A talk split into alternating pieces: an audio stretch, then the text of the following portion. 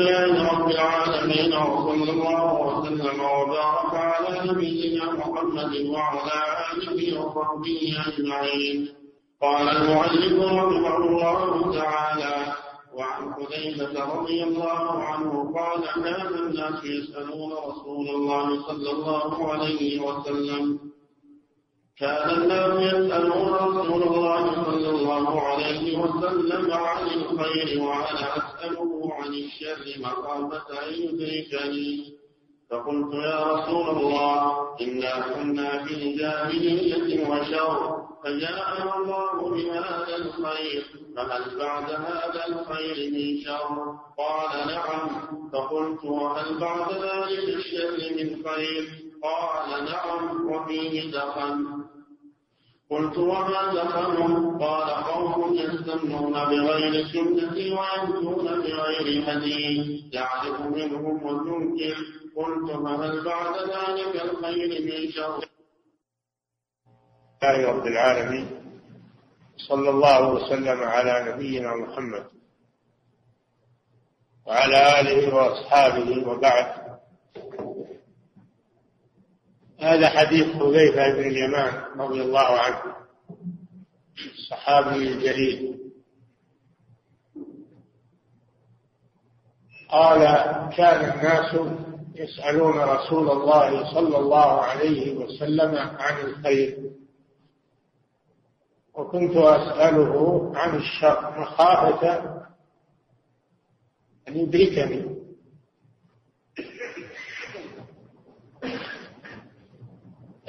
كان الناس يسألون النبي صلى الله عليه وسلم عن الخير عن الأجر والثواب وعن الأعمال الصالحة.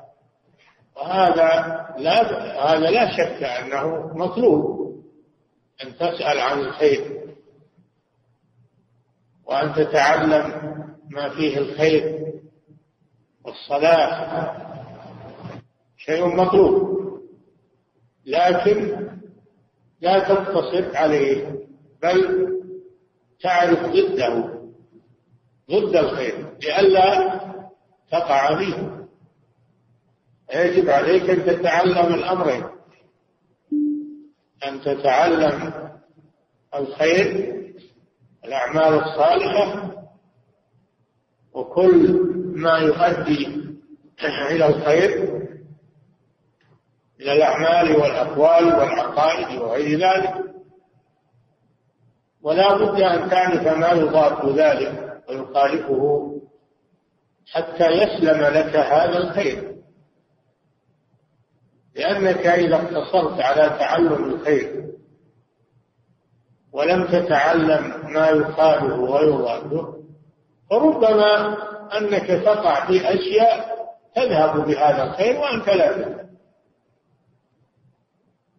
فمثلا إذا تعلمت التوحيد راد الله بالعبادة. فلا بد أن تتعلم الشرك الذي هو ضد التوحيد وهو عبادة غير الله. وكيف تكون عبادة غير الله؟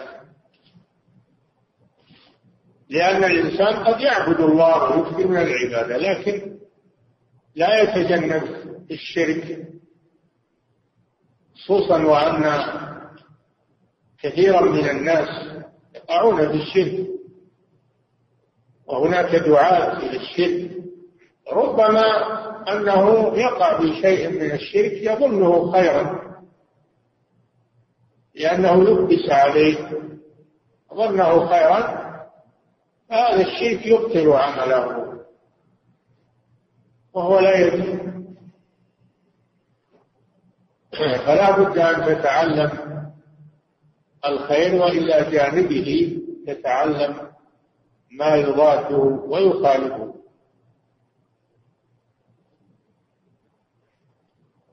وهذا بخلاف ما ينادي به اليوم كثير من الجهال أو المضللين والمغرضين الذين يقولون علموا الناس التوحيد وعلموهم الصلاة وعلموهم أفعال الخير. لكن لماذا تعلمونهم نواقض الإسلام؟ تعلمونهم الشرك؟ تعلمونهم عقائد الجهمية والمعتزلة و ومن نحى نحوهم؟ لماذا لا تقتصرون على العقائد الصحيحة وتتركون بيان العقائد الفاسدة وهذا جهل أو تضليل. لأنه لا يكفي تعلم العقائد الصحيحة. لا بد أن نعرف أيضا العقائد الفاسدة والباطلة من أجل أن نتجنبها ونجنبها أولادنا وإخواننا. ولذلك العلماء ردوا على الجهمية وعلى المعتزلة وعلى المخالفين وهذا شيء موجود. ولو أنهم سكتوا عن أهل الضلال ولم يردوا عليهم لراجت أفكارهم راجت راجت شبهاتهم. ما قالوا نقتصر على معرفة الخير فقط بل وعرفوا الناس الشر من أجل أن يجتنبوه. تجد الآن كتب العقائد خصوصا الموسعة تجد فيها بيان العقيدة الصحيحة وبيان ما يضادها وإيراد الشبهات التي يدري بها أهل الشر لأجل الرد عليها لئلا يغتر بها من لا يعرفها وإن كان من أهل الخير أن لأن الذي يجهل الشيء يوشك أن يقع به لهذا يقول الشاعر تعلمت الشر لا للشر لكن لتوقيه لكن لتوقيه. ومن لا تارة يأتي خير تارة يأتي شر. ويتعاقب هذا وهذا على الناس الابتلاء والامتحان فلا بد أن يكون المسلمون على استعداد. لا بد أن يكون المسلمون على استعداد لمقاومة الشر. لئلا يروج الشر لأن الشر له دعاة. حريصون على رواجه ويزينونه بزخرف القول وبالعبارات الرنانة ويسمونه بأسماء مغرية. فلو لم تعرف هذه الشبهات وهذه الدعوات الضالة لأوشك أن هذا يروج عليك تقبل. فهذا هو الحكمة من أننا نتعلم الخير ونتعلم الشر. يعني نتعلم ما يضاده وما يخالفه حتى نسلم منه. هذا حذيفة رضي الله عنه في هذا الحديث الصحيح وأقره النبي صلى الله عليه وسلم. ولم يقل له لماذا تسأل عن الشر؟ الإنسان على خطر. ما يزكي نفسه ولا يقول أنا عرفت الخير يكفي بل لا بد أن يعرف هذه الأمور بخطرها ولتكررها على الناس. حيث تأتي وتنقطع بل تبقى. الآن في من يدعو إلى مذهب الجهمية في من يدعو إلى مذهب المعتزلة في من يدعو إلى القبورية في من يدعو إلى الصوفية في من يدعو فلو لم نتعلم الرد على هؤلاء ونعرف شبهاتهم لراجت هذه الأمور ولا ذهبت السنة ولا ذهبت السنة لابد من المقاومة.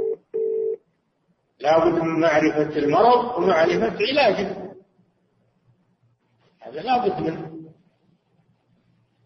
النبي صلى الله عليه وسلم أخبر حذيفة بما يكون وهذا من علامات النبوة حيث إنه صلى الله عليه وسلم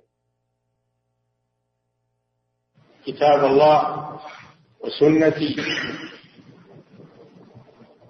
وسيأتي في الأحاديث حالة الغرباء في آخر الزمان وما لهم من الأجر. فملازمة جماعة المسلمين هذه عصمة. أما من شذ عن جماعة المسلمين فهو على خطر على سبيل هلاك أن تلزم جماعة المسلمين وإمام المسلمين يعني بالسمع والطاعة لولي الأمر. ولي أمر المسلمين.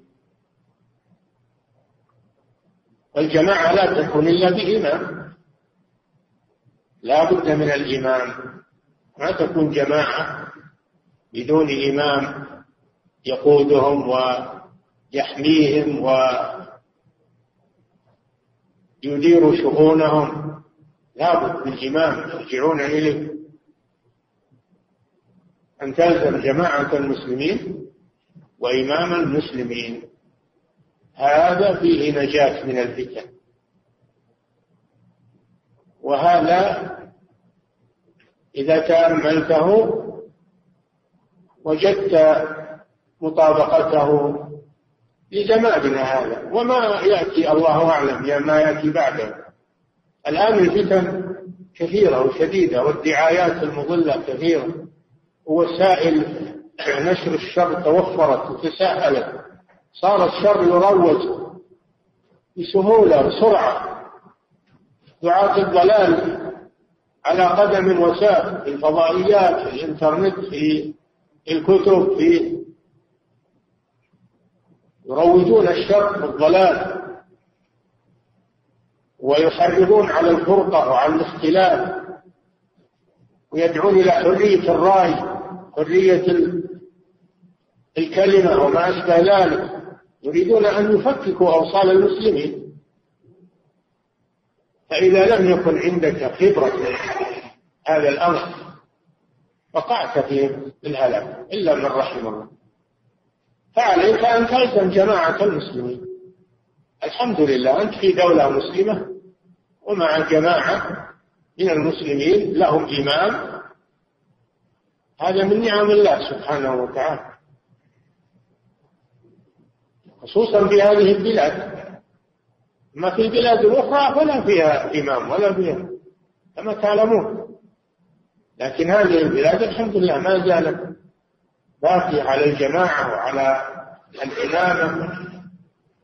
فنحن على نعمة عظيمة. لكن لا تنسوا أن الأعداء يحذرون لهذه الدولة ولهذه الجماعة. يريدون أن أن يزيلوها من الوجود حتى تكون مثل البلاد الأخرى.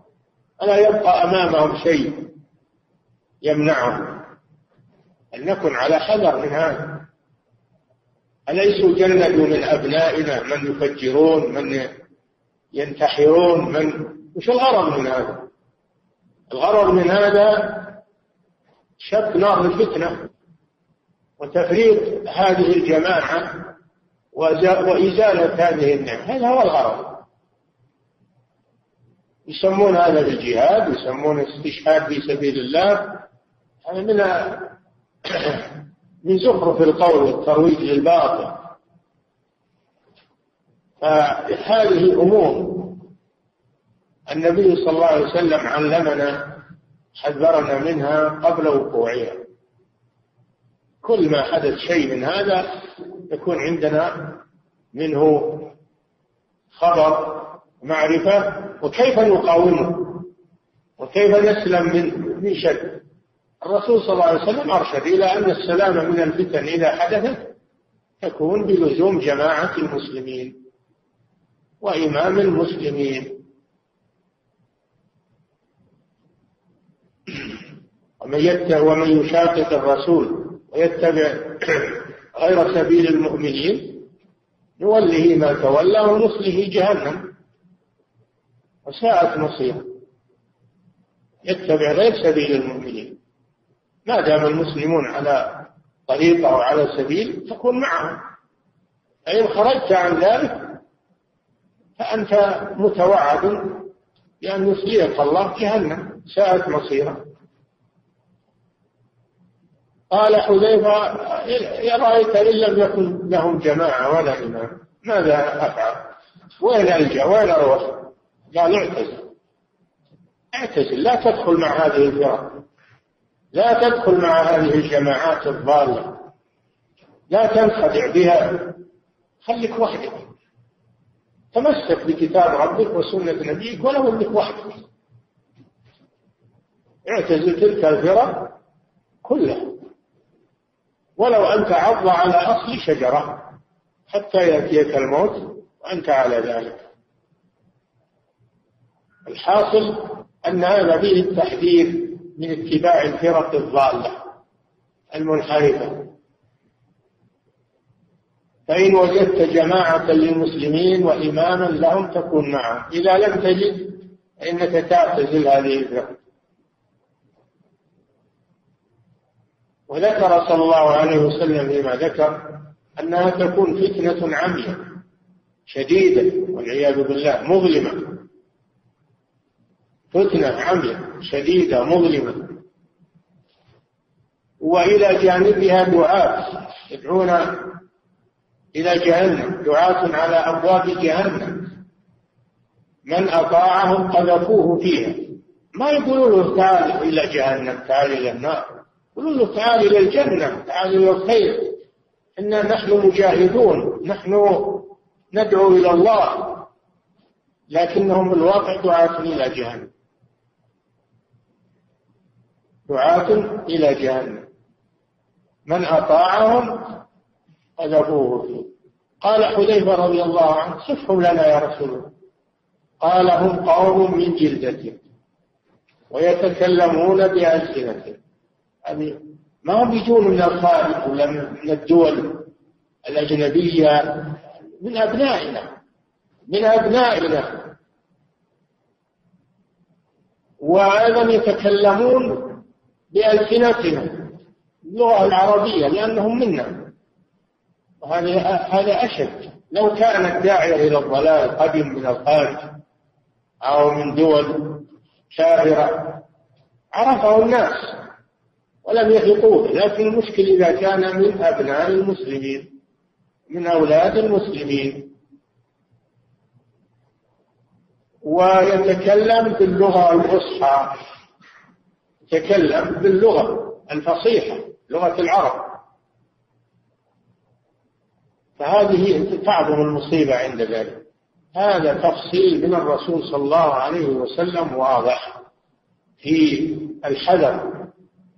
من هذه الفتن وهذه الشرور وأن تلزم ما عليه جماعة المسلمين وإمام المسلمين ولا تلتفت إلى هذه الفتن ودعاتها. لا تلتفت إليها احذر منها.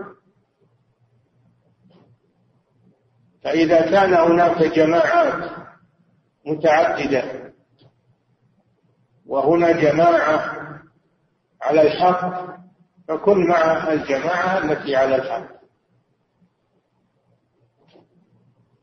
ولهذا قال صلى الله عليه وسلم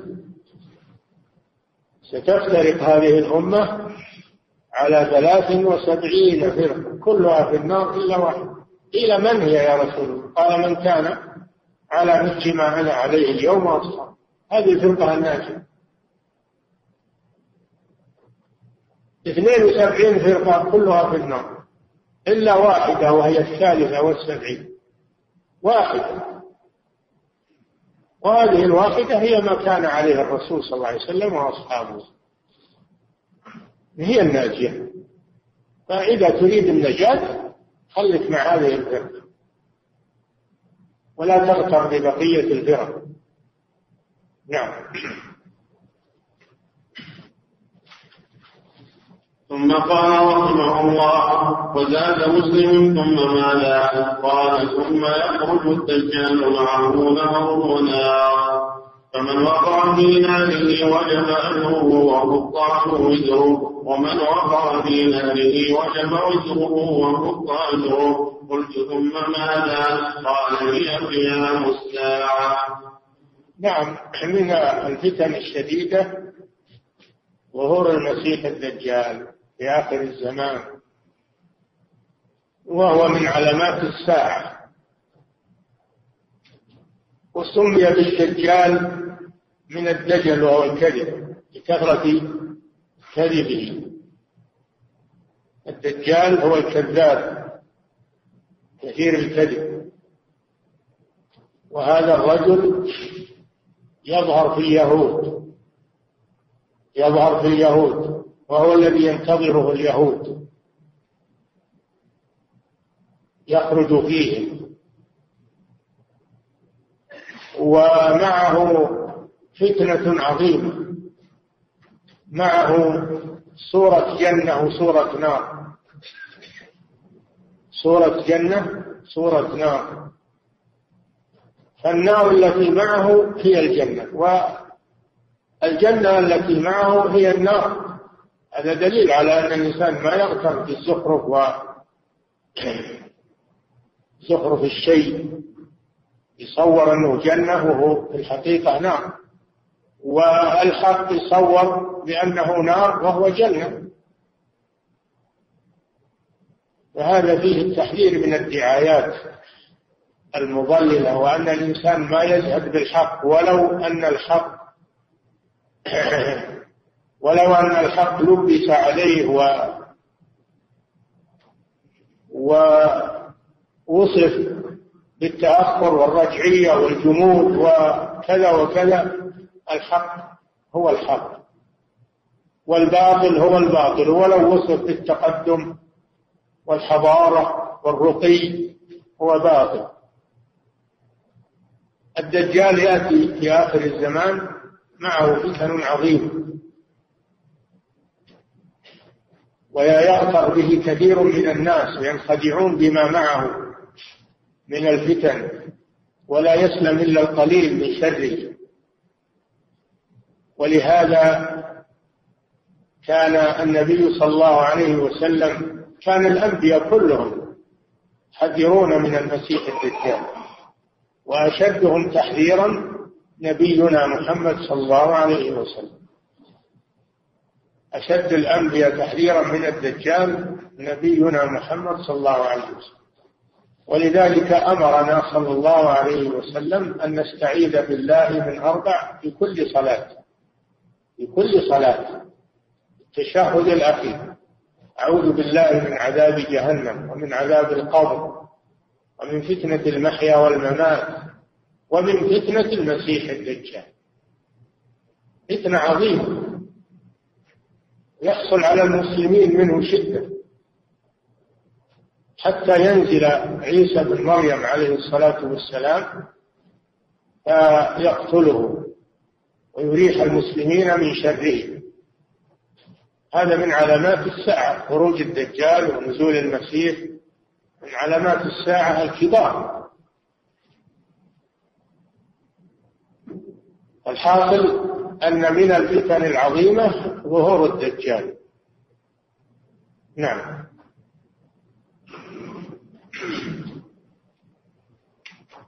والمشكلة أنه يأتي على كل البلاد ما عدا مكة والمدينة. لا يدخل مكة ولا يدخل المدينة. ولكن من كان فيها من أهل الضلال يخرج. هذه المصيبة من كان عنده نفاق وعنده شر ولو كان في مكة ولو كان في المدينة يخرج إلى الدجال ويتبع. نعم.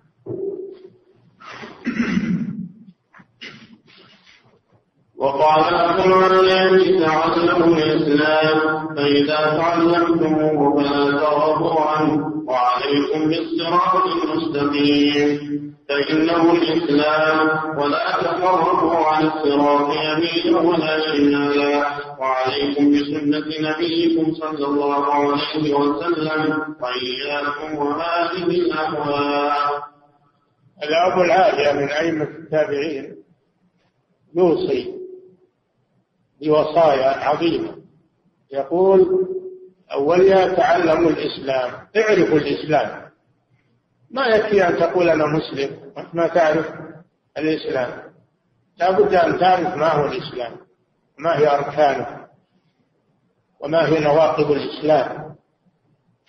حتى تكون على بصيرة. هذا معرفة الإسلام. تعرف معناه تعريفه وتعرف أركانه وتعرف مكملاته ومناقضاته ومنقصاته حتى تكون على على بصيرة. وهذا فيه الحث على تعلم العلم النافع لأنه هو الحياة وهو النجاة بإذن الله. هذه واحدة. الثانية نعم. إذا تعلمتموه وعرفتموه عليكم بالتمسك به. ما يكفي أن الإنسان يكون عالم بل يجب عليه أنه يعمل بعلم. يعمل بعلم. وإلا كثير من العلماء أهل ضلال ضلوا وهم عندهم علم. اليهود علماء أحبار وظلوا كفروا. فما يكفي مجرد العلم لا بد من التمسك بالحق والثبات عليه والصبر الصبر عليه. مع العلم؟ علم وعمل. هذه الثانية. أوصى أولا بالعلم ثم أوصى بالعمل بالعلم. الثبات عليه. الثالثة الصراط المستقيم. قال الله جل وعلا وأن هذا صراطي مستقيما فاتبعوه. وقال تعالى اهدنا الصراط المستقيم. والصراط هو الطريق والمستقيم هو المعتدل الذي ليس فيه ميلان ولا انحراف. هذا هو الصراط المستقيم. أمرنا الله بأن بأن نتبعه أن هذا صراطي مستقيما فاتبعوه. وأمرنا أن نسأله أن يهدينا هذا الصراط أن يعرفنا به وأن يثبتنا عليه. ما هو الصراط؟ الصراط هو الإسلام. الصراط هو الإسلام الذي جاء به رسول الله صلى الله عليه وسلم. ويراد بالصراط أيضا القرآن ويراد به الرسول صلى الله عليه وسلم. كله كله صحيح. الصراط الإسلام الصراط الرسول الصراط القرآن. كله صحيح. الواجب أن أنك إذا عرفت الصراط أن تسير عليه وتتمسك به. ولا تظن أنك تبي تسلم. لا بد من الفتن لا بد من الابتلاء والامتحان لا بد. فعليك بالصبر وعدم الرغبة عن الصراط المستقيم. هذه الوصية الرابعة أنك إذا وفقك الله لمعرفة الصراط المستقيم وسرت عليه فلا تنسى دعاة الضلال الذين يريدون أن يحرفوك. عن الصراط المستقيم. ولهذا قال جل وعلا ولا تتبعوا السبل فتفرق بكم عن سبيله. وسيأتيكم أن الرسول صلى الله عليه وسلم ضرب لهذا مثلا. ضرب مثلا بالصراط المستقيم ومثلا بالسبل التي تتفرق. سيأتيكم أن الرسول ضرب لهذا مثلا. واضح؟ نعم. هذه أربع وصايا من أبي العالية. الأولى العلم بمعرفة الإسلام. الثانية الثبات عليه وعدم الرغبة عنه. الثالثة معرفة الصراط المستقيم. ألا أن تدعو الله أن يهديك؟ ما الصراط المستقيم تدعو بشيء وأنت ما تعرف معناه؟ لابد تعرف معناه. الرابعة أن تحذر من الأهوى تحذر من الأهوى اتباع الهوى. لا تتخذ إلهك هواك بل اتخذ الحق هو هواك. الحق هو هوى قال صلى الله عليه وسلم أو روي عن النبي صلى الله عليه وسلم أنه قال من كان هواه تبعا لما جئت به. تبعا لا يؤمن أحدكم حتى يكون هواه تبعا لما جئت به. يتبع الحق ولو خالف هواه لأن المصلحة في اتباع الحق والمضرة في اتباع الهوى. والله أخبر أن أهل الضلال اتبعوا أهواءهم. فإن لم يستجيبوا لك فاعلم أن ما يتبعون أهواءهم. ومن أضل ممن اتبع هواه بغير هدى من الله. فأنت تقبل الحق سواء وافق هواك أو خالف هواك. فإذا خالف هواك فالعاقبة حميدة. العاقبة حميدة. أما لو اتبعت هواك وتركت الحق فالعاقبة سيئة. نعم. ثم قال رحمه الله تعالى تأمل كلام أبي العالية رحمه الله تعالى هذا. يقول الشيخ رحمه الله تأمل كلام أبي العالية هذا وما فيه من الفوائد العظيمة نعم. هذا تعليق من الشيخ رحمه الله. نعم. ما أجله وعرف زمانه الذي يقدر فيه من الأموال. نعم زمان أبي العاليه ما هو؟ زمان التابعين. كيف بزماننا هذا؟ ابو العاليه خاف على التابعين. فكيف بزماننا هذا؟ أشد خطر. نعم. الذين اتبعها فقد فقد رغب عن الإسلام. أي نعم. وتفسير الإسلام بالسنة والإسلام. وخوفه على اعرف الإسلام. اعرف الإسلام. ما هو الإسلام؟ هو السنة الإسلام هو السنة هذا هو الإسلام.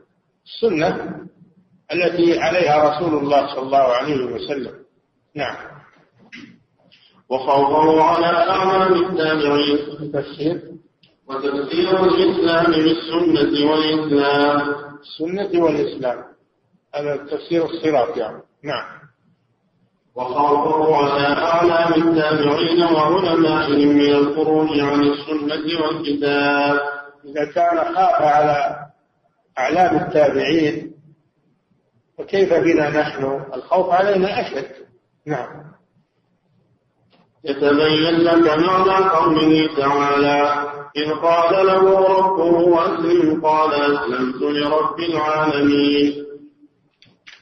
وقال تعالى ومن يرغب عن ملة إبراهيم إلا من سفه نفسه ولقد اصطفيناه في الدنيا وإنه في الآخرة لمن الصالحين. إذ قال له ربه أسلم.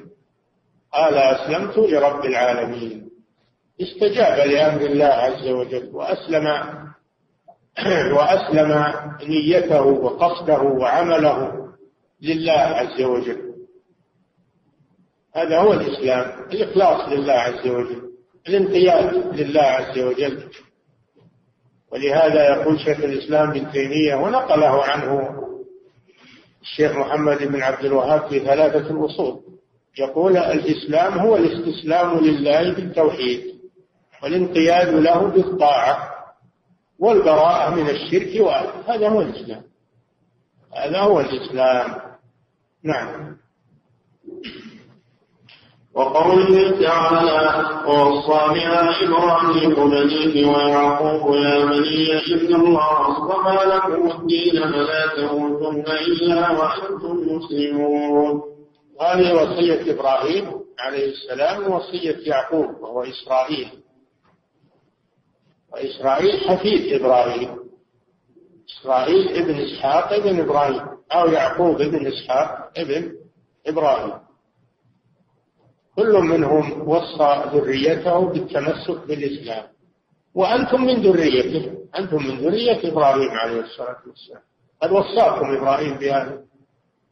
وصى بها إبراهيم وبنيه أنتم من بني إبراهيم. الوصية شاملة لكم ولمن يأتي بعدكم إلى أن تقوم الساعة. وصى بها إبراهيم بنيه ووصى بها يعقوب. بني إسرائيل اللي هم اليهود والنصارى. الله وصى بهذا العرب والعجم وصاهم جميعا على لسان إبراهيم وعلى لسان يعقوب عليه السلام. إن الله اصطفى لكم الدين اختاره لكم هذه نعمة عظيمة. بينما أكثر البشر على الضلال وأنتم أنعم الله عليكم بهذا الدين العظيم وبعث إليكم هذا الرسول الكريم محمدا صلى الله عليه وسلم أفضل الرسل ودينكم أفضل الأديان. هذه نعمة عظيمة. اصطفى لكم الدين. فلا تموتن إلا وأنتم مسلمون. هذه المهمة. معناها أنك تثبت على هذا الدين. حتى يأتيك الموت. فإذا جاءك الموت وأنت على هذا الدين فأنت من السعداء. أما إن جاءك الموت وأنت منحرف عن هذا الدين فأنت من الأشقياء. العبرة بالخاتمة. العبرة بالخاتمة التي تموت عليها. لا تموتن إلا وأنتم مسلم أي اثبتوا هذا فيه الحث على الثبات على الدين حتى يأتيك الموت وأنت عليه لا تتركه أبدا. نعم. وقوله تعالى ومن يرغب عن ملة إبراهيم إلا من سمع نفسه. من يرغب هذا إنكار هذا استفهام استنكار. لا يرغب أحد. يعني لا يترك أحدا ملة إبراهيم. إن كان يريد النجاة لنفسه فلا يترك ملة إبراهيم التي بعث بها نبينا محمد صلى الله عليه وسلم. إلا من سفه نفسه. السفاه معناها الخفة خفة الشيء وضياعه. فمن ترك ملة إبراهيم فقد خسر نفسه. وأهلكها. وأعز شيء عند الإنسان نفسه. فإذا خسر نفسه قل إن الخاسرين الذين خسروا أنفسهم وأهليهم يوم القيامة. فكيف الإنسان يخسر نفسه؟ نعم إذا ترك ملة إبراهيم خسر نفسه. هذا هو الضابط. نعم. وأشباه هذه أصول الكبار التي هي أصل الأصول والناس عنها في غفلة أشباه هذه النصوص وهذه الآثار التي فيها هذه الوصايا العظيمة والناس أكثرهم في غفلة عنها. في غفلة عنها. لا يقرؤونها ولا يتعلمونها وإذا تعلموها قليل من يعمل بها وإذا عملوا بها قليل من يثبت عليها. الأمر يحتاج إلى استعانة بالله عز وجل وإلى اهتمام. ولا يثق ولا يثق الإنسان من نفسه أو يأمن من الفتن يخاف من الفتن ويتجنبها. ولا يكون إما مع الناس بل يكون مع الحق دائما وابدا. فإذا بلغه شيء فإنه يعرضه على الحق فإن وافق فالحمد لله وإن خالف فإنه يتركه. نعم. وبمعرفته يتبين معاني الأحاديث في هذا الباب وأمثالها. نعم. وأما الإنسان الذي يقرأها وأشباهها وهو آمن مطمئن أنها لا تناله ويغزها في قوم كانوا فبالوا. آمن مكر الله فلا يأمن مكر الله إلا القوم الخاسرون الذي يقرأ هذه النصوص وأمثالها ويتفقه فيها ويعمل بها هذا على طريق نجاة على طريق سلام. وأما الذي لا يلتفت إليها أو يقرأها ولكن ما يتأملها ويتفقه فيها أو أو يأمن على نفسه من الفتن والانحراف فهذا حري أن يكون مع الهالكين. لأنه لم يأخذ بأسباب النجاة. والإنسان ما يغتر بنفسه ولا يغتر بعلمه ولا يغتر بدينه. لأن الإنسان بشر عرضة للفتن عرضة لإنسان ضعيف. ولهذا نبينا صلى الله عليه وسلم يكثر من قوله يا مقلب القلوب ثبت قلبي على دين الراسخون في العلم يقولون ربنا لا تزغ قلوبنا بعد إذ هديتنا. هم راسخون في العلم على هداية يخافون من الزيغ. ربنا لا تزغ قلوبنا بعد إذ هديتنا. الإنسان يكون على خوف. وإذا خاف فإنه يبحث عن النجاة. أما إذا أمن فإنه قد يقع في الهلاك وهو لا يدري قال الله جل وعلا أفأمنوا مكر الله؟ فلا يأمن مكر الله إلا القوم الخاسرون. الله جل وعلا يمكر بأهل الشر بمعنى أنه يستدرجهم. يمكر بهم بمعنى أنه يستدرجهم عقوبة لهم. عقوبة لهم. فمكره جل وعلا بحق إيصال العقوبة إلى من يستحقها بطريق خفي لا يتنبه له. هذا المكر. وهو من الله محمود لأنه جزاء لأنه عدل. ما يمكر بأحد إلا وهو يستحق. ما يمكر بالصالحين وإنما يمكر بأهل الشر. ومكروا ومكر الله. الله خير الماكرين ويمكرون ويمكر الله مقابلة. والجزاء من جنس العمل. ولما مكروا بعباد الله ومكروا بالرسول صلى الله عليه وسلم يريدون قتله أو سجنه يريدون قتله أو سجنه أو طرده مكر الله لرسوله وأخرجه من بينهم وهم لا يشعرون. وخرج صلى الله عليه وسلم إلى الغار واختفى فيه. فلما انقطع الطلب ذهب إلى المدينة ووجد الأنصار ووجد المسلمين وقامت دولة الإسلام. الله مكر بالكفرة من حيث لا يشعرون مكر لرسوله صلى الله عليه وسلم فمكر الله بحق لأنه عدل. ولا يمكر إلا بمن يستحق المكر. أما المكر من الخلق فإنه مذموم لأنه مكر بمن لا يستحق. مكر بمن لا يستحق. نعم.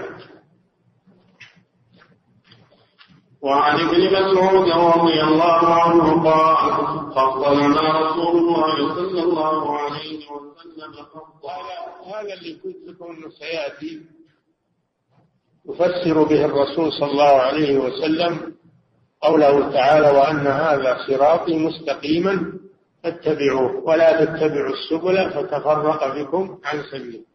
الرسول صلى الله عليه وسلم فسر هذا بمثال محسوس.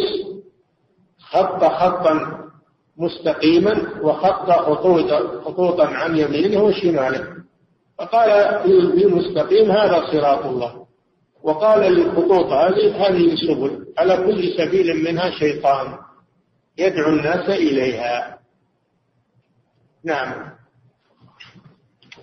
وعن ابن مسعود رضي الله عنه قال حق لنا رسول الله صلى الله عليه وسلم حقا. ثم قال هذا سبيل الله.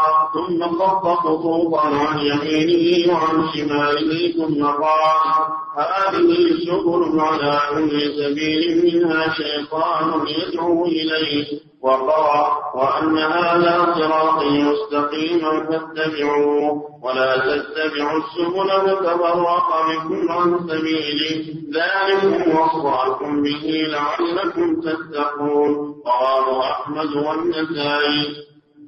نعم. على كل سبيل هذه الدعاة الدعاة الذين مر ذكرهم في حديث حذيفة. دعاة على أبواب جهنم. هم هؤلاء. على كل سبيل شيطان يدعو إليه يخرج الناس من الصراط المستقيم إلى هذه السبل.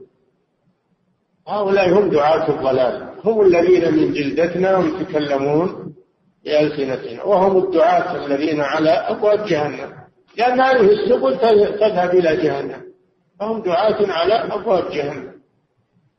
فهذا فيه التحذير من دعاة الضلال. نعم. ثم قال رحمه الله باب ما جاء من غربة الإسلام وغرب الغرباء نعم. الإسلام بدأ غريبا. أول ما قام الرسول صلى الله عليه وسلم بمكة لما بعثه الله قال له كن فأنذر قام وحده صلى الله عليه وسلم قوله تعالى كمثل حبة أنبتت سبع سنابل في كل سنبلة مئة حبة. أول ما تظهر واحد غصن واحد. ثم يفرق أخرج شرقه يعني فراخه فآزره يعني قواه. الزرعة إذا ظهرت فراقة تقوى. يصير لها جذع ويصير لها أصول تقوى بدل ما كانت قصبة واحدة صارت عدة قصبات متجاورة.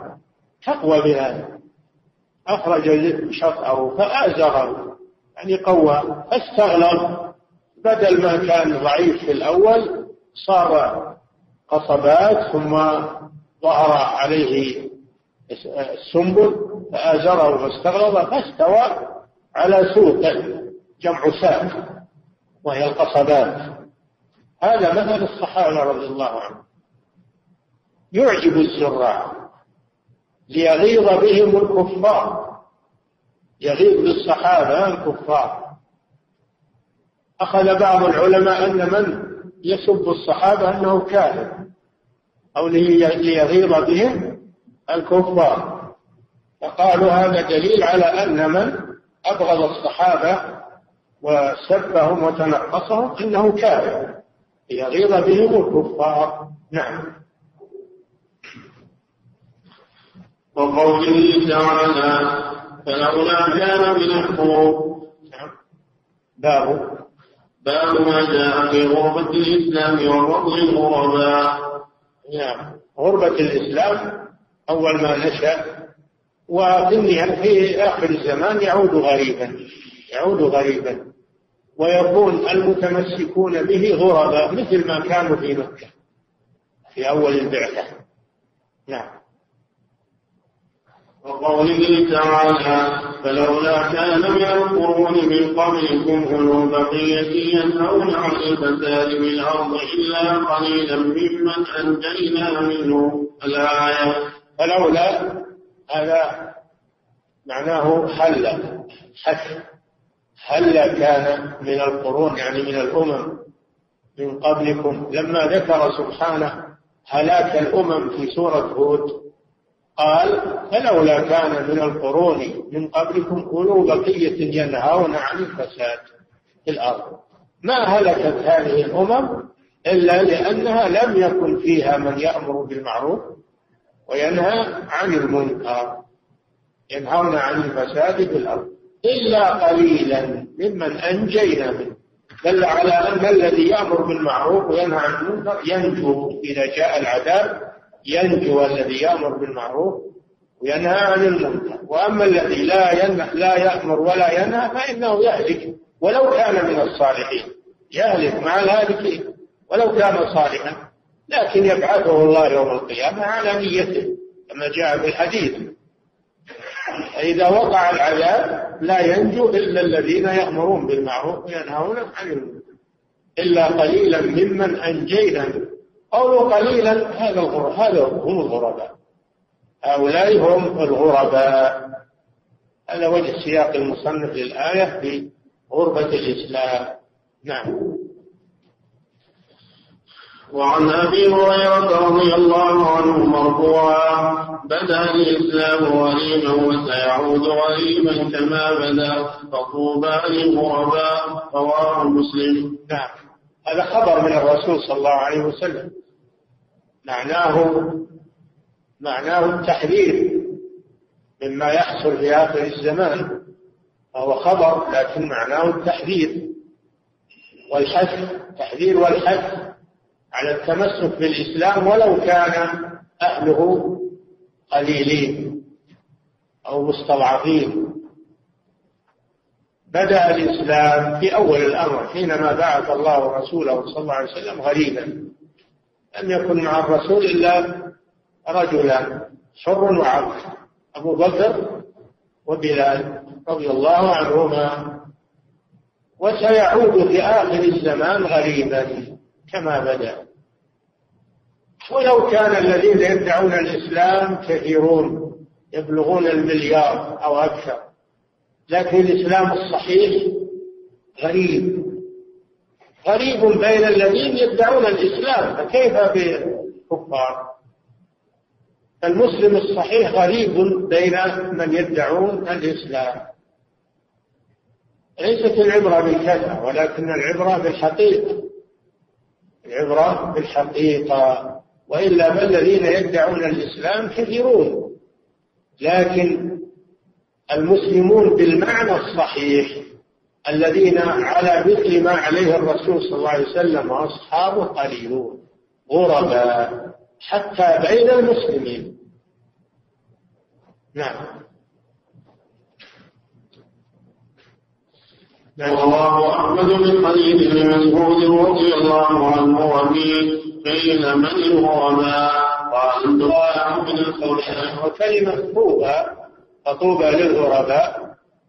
هذا ترغيب هذا ترغيب في أن يكون المسلم مع الغرباء في آخر الزمان. ولا يزهده في الإسلام قلته. وطوبى قيل هي شجرة في الجنة. وقيل هي الجنة نفسها يقال لها طوبى وقيل هي كلمة طيبة. وقيل هي الكلمة الطيبة. طوبى لهم وحسن طوبى لهم وحسن مآب. نعم.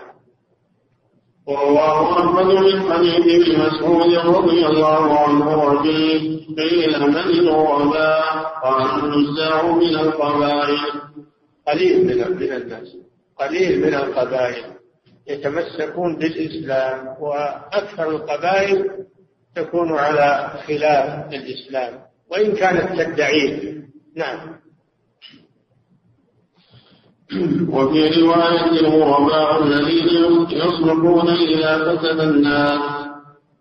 نعم. يعني جاء في وصفهم ثلاث ثلاثة أوصاف النزاع من القبائل. النزاع من القبائل يعني الأفراد. القبيلة كلها يصير فيها فرد واحد. يصير فيها فرد واحد على على الإسلام الصحيح. هذا دليل على أن الإسلام في آخر الزمان يصير غريب. هذا وصف النزاع من القبائل. الوصف الثاني الذين يصلحون إذا فسد الناس. يصلحون يصبرون على الدين. ولا ينظرون لفساد الناس ولا يقولون كنا مثل الناس مش خير. يصير بين الناس من فردين لا نتابع الناس نتابع المجتمع نتابع البلد. لا هؤلاء يصبرون ولو كانوا قليلين ولو خالفهم الناس. يصلحون إذا فسد الناس ولا يفسدون مع الناس. ولكن كونهم يصلحون بين الناس هذا يحتاج إلى صبر يحتاج إلى ثبات يحتاج إلى فقه ومعرفة بالأول. الوصف الثالث يصلحون ما أفسد الناس. يصلحون ما أفسد الناس. يعني يكونون صالحين في أنفسهم ويصلحون ما أفسد الناس. بالدعوة إلى الله الأمر بالمعروف النهي عن المنكر تعليم الخير. يصلحون قدر استطاعتهم ولا يسقطون. ولا يسقطون نعم. ورواه أحمد من حديث سعد بن أبي وقاص الخبير فطوبى يومئذ للغرباء إذا فسد الناس. إيه إذا فسد الناس يعني ما يثبت على الحق إلا من عنده إيمان ويقين وقوة وإلا ينجرف مع الناس. ضعيف الإيمان أو مزعزع الإيمان أو قليل الفقه والعلم ينجرف مع الناس. نعم. وللترمذي من حديث كثير بن عبد الله عن أبيه عن جده وطوبى للغرباء الذين يصلحون ما أحسن الناس من سنته. يصلحون نعم. والله جل وعلا يقول وما كان ربك ليهلك القرى بظلم وأهلها مصلحون. ما قال صالحون؟ قال مصلحون يعني يأمرون بالمعروف وينهون عن المنكر وينشرون الخير. أما إذا كانوا صالحين بأنفسهم ساكتين يهلكون مع ذلك. يعمهم العقوبة في الدنيا لكن يوم القيامة يبعثهم الله على نياتهم نعم. وعن أبي هريرة قال سألت أبا ثعلبة الخشني رضي الله عنه كيف تقول في هذه الآية؟ يا أيها الذين آمنوا عليكم أنفسكم لا يضركم من ضل إذا اهتديتم. قال أما والله لقد سألت عنها خبيرا لقد سألت عنها خبيرا. سألت عنها رسول الله صلى الله عليه وسلم فقال بل اجتمعوا بالمعروف وتنازعوا عن المنكر حتى إذا رأيتم شقا مطاعا وهوى متبعا ودنيا مؤثرا وإعجاب كل ذي رأي برأيه فعليك بنفسك ودع عنك العوام. فإن من ورائكم أياما الصابر فيهن مثل القابض على الجمر للعامل فيهن أجر خمسين رجلا. أجر خمسين رجلا يعملون مثل عملكم قلنا منا أم منهم قال من منكم. رواه أبو داود والترمذي. نعم هذا حديث عظيم. حديث عظيم. يخبر فيه صلى الله عليه وسلم عما يكون في آخر الزمان. قوله تعالى يا أيها الذين آمنوا عليكم أنفسكم لا يضركم من ضل إذا اهتديتم. قد يفهم منها بعض الناس أو كثير من الناس أن أنك إذا صلحت تمشي نفسك. ما عليك من الناس ما تأمر بالمعروف ولا تنهى عن المنكر ما عليك من ذلك فيفهم من الآية أن معناها ترك الأمر بالمعروف والنهي عن المنكر. وأنك تعتني بنفسك فقط. وهذا خطأ. ليس هذا هو تفسير الآية. ليس هذا هو تفسير الآية. تفسير الآية أنه أنه إذا فسد الناس فلا تفسد. هذا المقصود من الآية. ولا تقلد الناس. وأما الأمر بالمعروف والنهي عن المنكر فهو باطل. ما يسقط. قال صلى الله عليه وسلم من رأى منكم منكرا فليغيره بيده فإن لم يستطع فبلسانه فإن لم يستطع فبقلبه. فلا بد من إنكار المنكر في كل زمان إلى أن تقوم الساعة. ليس معنى الآية ترك الأمر بالمعروف والنهي عن المنكر. لكن معناها أنك تصلح أنت ولا تنظر إلى فساد الناس. ومع صلاحك تأمر بالمعروف تنهى عن المنكر. ولهذا يقول أبو بكر رضي الله عنه إنكم تقرؤون هذه الآية وإن وإنكم تؤولونها على غير تأويلها سمعت رسول الله صلى الله عليه وسلم يقول لتأمرن بالمعروف ولتنهون عن المنكر ولا تأخذن على يد السفيه أو لا يعمنكم الله بعقاب من عنده. أليس معناها إسقاط الأمر بالمعروف والنهي عن المنكر؟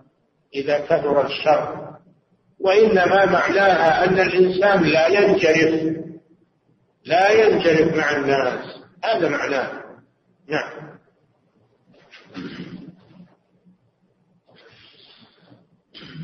نعم. أعد نعم. إيه. هذه تراها مزلة. فهم الآية هذه مزلة. إلى كثير من الناس يظن أن معناها ترك الأمر بالمعروف والنهي عن المنكر إذا كثر الشر. نعم. وليس الأمر كذلك. نعم.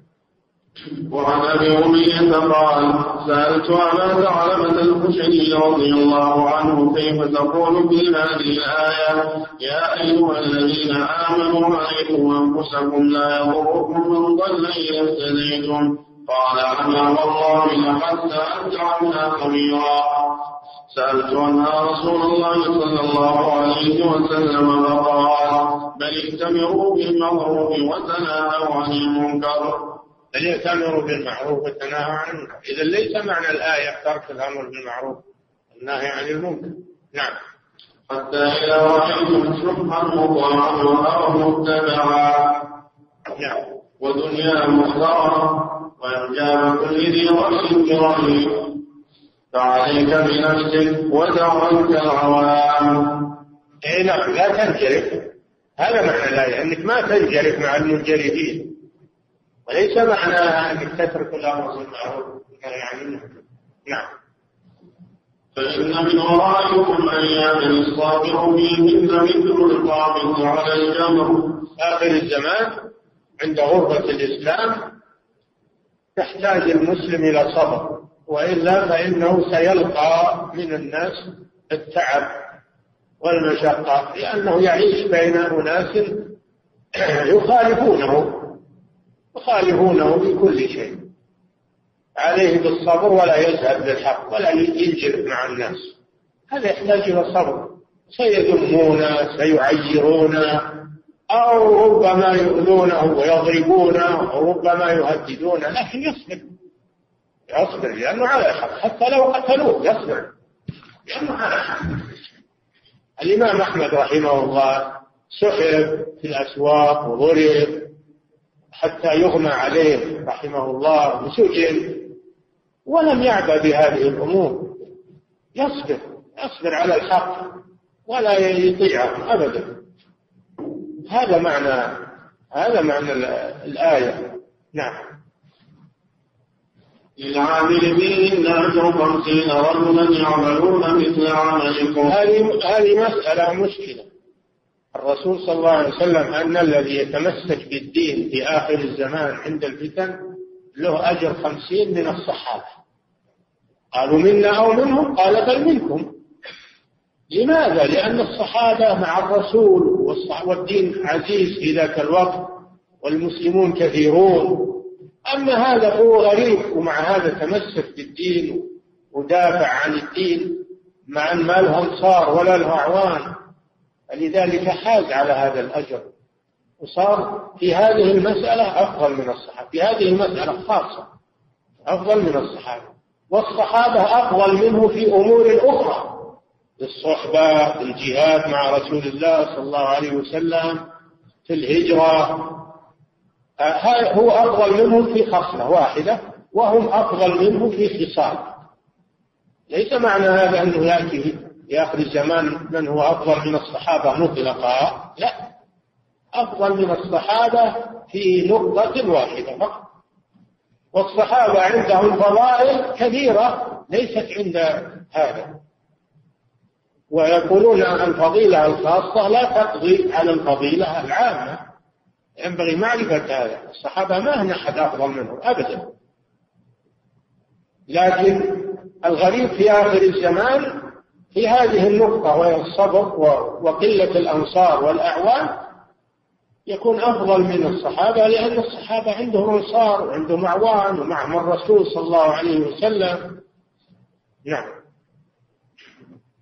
قلنا منا منهم قال ما منكم؟ إي نعم تنبهوا لهذا لأن يلتبس على بعض الناس. يظن أن أحد يأتي في آخر الزمان يكون أفضل من الصحابة. لا ما هو أفضل منهم. أفضل منهم في ناحية وهم أفضل منه في نواحي كثيرة. نعم. ها؟ إي نعم. نكتب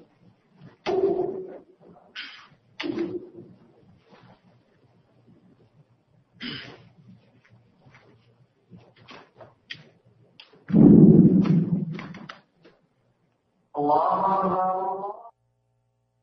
الله عليه وسلم. الشيخ مبارك ونفع علمكم الشيخ رحمة الله بسم الله الرحمن الرحيم. فضيلة الشيخ أحسن الله إليكم ونفعنا بعلمكم وأمد في عمركم على طاعته. سوف أختصر في بعض الأسئلة لحين لأنه حان عندنا وقت الصلاة. فسأخذ بعض الأسئلة والإخوة في منطقة عرعر شاركوا معنا وانقطع عنهم الاتصال ولدينا بعض الأسئلة سنعرضها عليكم. أحسن الله إليكم السؤال الأول يقول فضيلة الشيخ كيف تتم النجاة من فتنة المسيح الدجال غير مسألة الدعاء؟ نعم. النجاة بالتمسك بكتاب الله وسنة رسول الله صلى الله عليه وسلم وعدم الاغترار بما مع الدجال من الأشياء المموهة. عدم الاغترار بما معه من الأشياء المموهة.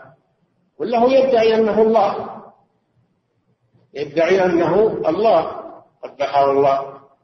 ولهذا قال صلى الله عليه وسلم فإن رب إنه أعور. وإن ربكم ليس بأعور عنده فتنة عظيمة.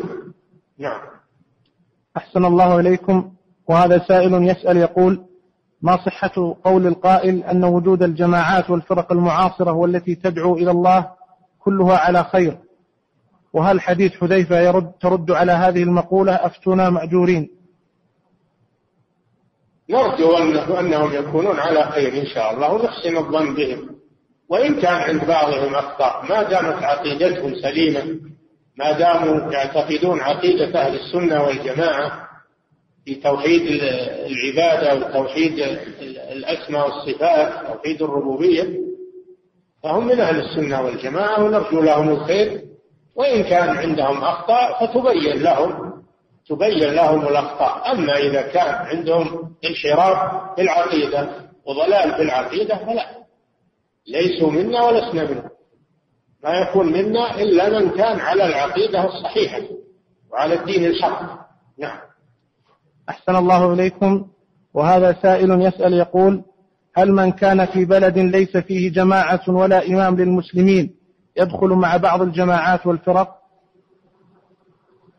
إذا كان في جماعة على الحق متمسكة بالحق يكون معه.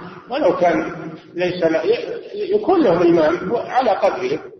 الإمام قد يكون أنه إمام جزئي يأمرون عليهم واحد مثلا. هذه العادة في الأقليات المسلمة أنهم يأمرون واحد أو يكون لهم مركز. فهذا يقوم مقام الإمام. رئيسهم يقوم مقام الإمام. إذا كانوا أهل سنة وأهل جماعة ولهم رئيس أو أمير يكون هذا يقوم مقام الإمام. نعم. أحسن الله إليكم. وهذا سائل يقول فضيلة الشيخ لدي جوال يحتوي على كاميرا فيديو وكاميرا فوتوغرافية وأستخدمها في الخير إن شاء الله مثل تسجيل المحاضرات وغيرها وأصور بعض الأحيان صورا لأطفالي في البيت. فما رأيكم؟ حفظكم الله. أما التسجيل المحاضرات وتسجيل القرآن وهذا شيء طيب. أما التصوير فهو باطل ما يجوز تصور تصوير ما يجوز حرام. تصوير أولادك أو تصوير غيرك تصوير ذوات الأرواح حرام وملعون من فعله. وهو من أشد الناس عذابا يوم القيامة كما جاء في الأحاديث الصحيحة. فعليك بتجنب التصوير. نعم. أحسن الله إليكم. هذه بعض الأسئلة من منطقة عرعر. يقول السائل إذا توفي, إذا توفي رجل وترك مالا وساهم أحد الورثة في نماء هذا المال فهل يجوز له أن يأخذ نصيبا أكبر مقابل تنميته؟ أعد السؤال يقول توفي رجل وترك مالا وساهم أحد الورثة في نماء هذا المال فهل يجوز له أن يأخذ نصيبا أكبر مقابل تنميته لذلك المال؟ هذا تراجع به المحكمة الشرعية. السائل يراجع المحكمة الشرعية والقاضي يتولى هذا الشيء. نعم. أحسن الله إليكم. وهذا سائل يقول هل عدم ذكر الدجال على المنابر من علامات الساعة الصغرى حيث, أن حيث أننا نشاهد غفلة من الناس عن هذا الموضوع الذي اهتم به النبي صلى الله عليه وسلم؟ نعم لا شك أنه من علامات الساعة لأنه أخبر صلى الله عليه وسلم أنه ينسى ذكره ينسى ذكره في آخر الزمان. هذا من علامات الساعة لكنها العلامات المتوسطة. العلامات المتوسطة ليست الكبرى. نعم. أحسن الله إليكم. وهذا سائل يقول رجل متهاون بالصلاة ونشهد نحن جماعة المسجد بأنه لم يكن من المحافظين على الصلاة بالمسجد. سؤالنا حفظكم الله هل نصلي عليه صلاة الجنازة ونستغفر له؟ إذا كان يصلي ولو كان يترك الجماعة ما دام يصلي ولا ترك الصلاة فهو مسلم. ترك واجبا وهو صلاة الجماعة هذه معصية لم يصلى عليه. أما إذا كان ما يصلي أبدا لا مع الجماعة ولا وحده هذا لا يصلى عليه. نعم. أحسن الله إليكم. وهذه الأسئلة التي وردت عن طريق الإنترنت يقول السائل عند عندي وقت وقت فراغ في العمل ما يقارب خمس ساعات فأكثر فهل يجوز لي أن أنام في هذا الوقت أو أقرأ القرآن؟ علما أني أنام في مكتبي على الكرسي فقط. نعم إذا كنت في مكان العمل ومهيئ لنفسك للعمل استقبال من يأتي فقد بذلت المجهود أما النوم لا تنام. النوم تنام البيت وأما أنك تقرأ القرآن أو تطالع في كتاب هذا شيء طيب ولا تحفظ الوقت ما يضيع هذا لا بأس. حتى يأتي المراجع. أما النوم لا تنام في بيتك. ما جئت للنوم. نعم. أحسن الله إليكم. وهذا سائل يقول الذي لا تقام عليه الحجة في هذا الزمان هل يكون من أهل الفترة؟ ومتى نعرف أن هذا الشخص أقيمت عليه الحجة؟ أهل الفترة الذين قبل بعثة الرسول صلى الله عليه وسلم. أما بعد بعثة الرسول صلى الله عليه وسلم فقد قامت الحجة. قامت الحجة على البشرية.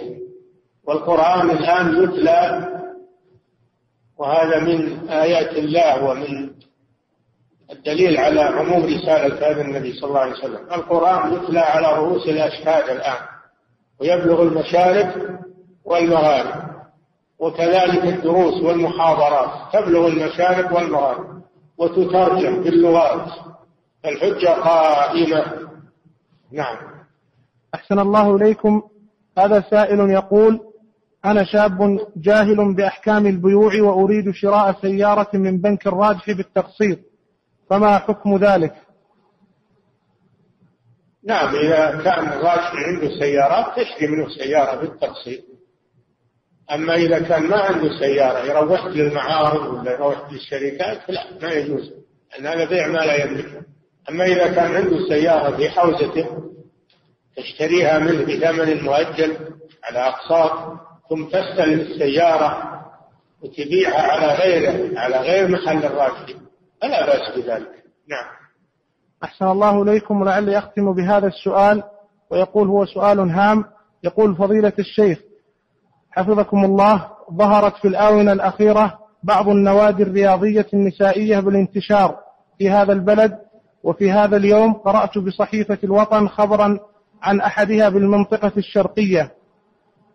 يا شيخ نحن لو أنكرنا لا أحد يسمعنا وهذه المراكز فيها السباحة وتمارين عديدة ويوجد فيها مدربات من جنسيات عربية. ولا يخفى على فضيلتكم ما فيها من بداية خطر عظيم. نرجو منكم تنبيهنا تنبيه المسؤولين على ذلك وإنكار هذه النوادي حفظكم الله. نعم هذا ينشر ويقال فيه دعاية سيئة لتمريد المرأة على أوامر الدين وعلى فيه دعوة سيئة لإخراج المرأة عن طورها وأنها تنزع الحياة والعفة والحجاب إلى آخره. يعني أعوان الشيطان يدعون إلى هذا ولكن نرجو الله أن يثبته. والإنكار حاصل ولله الحمد. ومراجعة المسؤولين حاصلة.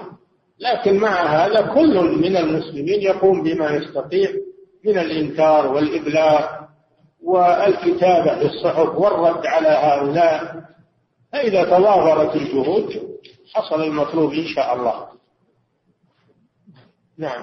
الله جل وعلا يقول فقاتلوا أولياء الشيطان إن كيد الشيطان كان ضعيفا. فإذا حصلت مقاومة أولياء الشيطان هم ضعيفون مثل سيدهم ورئيسهم ضعيف. أما إذا تركوا فإنهم يقوون نعم. أحسن الله إليكم. لعلنا ننتقل الإخوة في الجوف.